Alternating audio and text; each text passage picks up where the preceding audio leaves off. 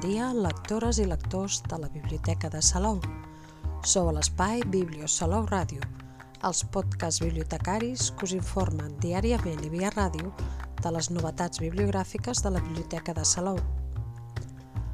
Els podcasts dels dijous us parlaran del que podem trobar a les xarxes sobre una de les novetats de novel·la juvenil del proper mes d'abril.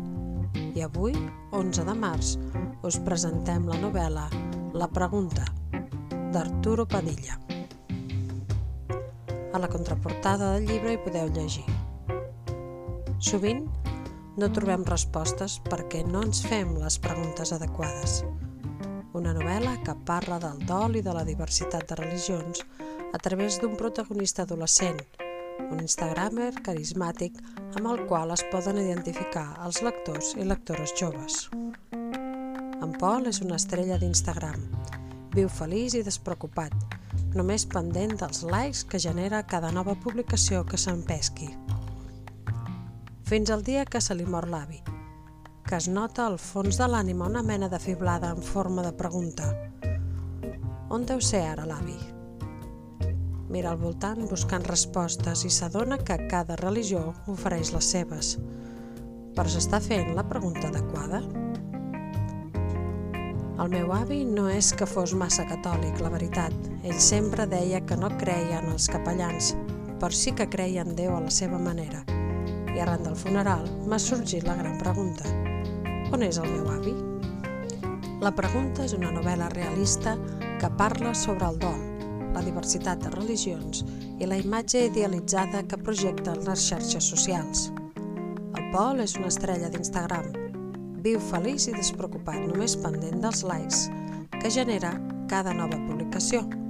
Arran del funeral del seu avi Manuel, el Pol es pregunta on deu ser l'avi després d'haver mort.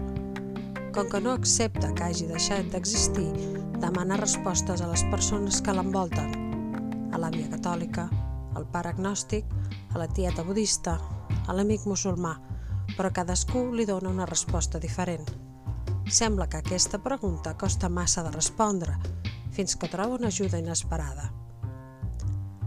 Com que és el primer dol que passa, no sap massa bé com canalitzar-lo, ni entén les sensacions que té. Però no deixa mai de buscar una explicació a la seva angoixa i finalment troba la pau interior que necessitava.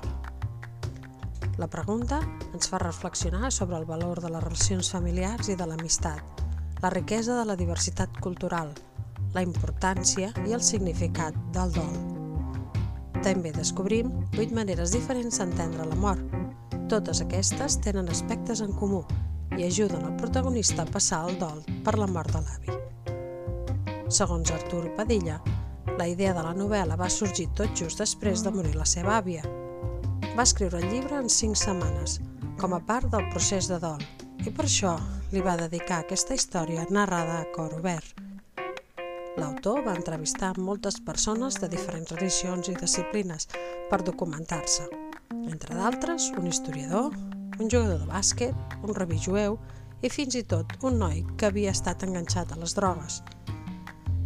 La pregunta va resultar guanyadora del Premi de Narrativa Juvenil 2021, un dels pocs que es convoquen a Catalunya en la modalitat de narrativa juvenil. El jurat va destacar la frescor amb què l'autor reprodueix els llenguatges juvenils de les xarxes socials i l'originalitat en el tractament del tema de la mort, el dol i l'espiritualitat. La pregunta pertany a la col·lecció L'Isart, de l'editorial Anima Llibres, que l'ha editat en català i té un total de 120 pàgines. És una novel·la recomanada per a lectors i lectores a partir de 12 anys. Argus, el catàleg de la xarxa de biblioteques públiques de Catalunya, hi trobareu la pregunta en català, així com altres títols de l'autor. La casa del cementiri de cotxes, Ens veiem demà, Entre dos blaus, Fora de guió, etc. A Bibliodigital, el catàleg de continguts digitals del Servei de Lectura Pública de Catalunya, hi teniu disponibles els següents títols d'Artur Padilla. Presoners del mar, La casa del cementiri de cotxes, la tempesta i ombres a la foscor. Arturo Padilla de Juan va néixer a Montornès del Vallès l'any 1989. És un escriptor català de literatura juvenil. Amb 16 anys va guanyar el Premis Jordi Sierra i Fabra per a joves. Aquest reconeixement li va permetre publicar la seva primera novel·la, El poder de una decisió, a Espanya i a Llatinoamèrica. És llicenciat en Teoria de la Literatura i Literatura Comparada per la Universitat Autònoma de Barcelona. Entre els seus títols destaquen Despertant l'aire del faraó, La tempesta i Presoners del mar. L'hem buscat a les xarxes i Arturo Padilla hi és present amb una pàgina web arturopadilladejuan.com i podem seguir-lo a Facebook arroba Arturo a Twitter, arroba Arturo Padilla, guió baix, i a Instagram, arroba Arturo Padilla de Juan. I fins aquí el podcast d'avui, però tenim més novetats de novel·la juvenil que anirem descobrint cada dijous. Que tingueu molt bon dia i molt bones lectures que us acompanyin en el dia a dia.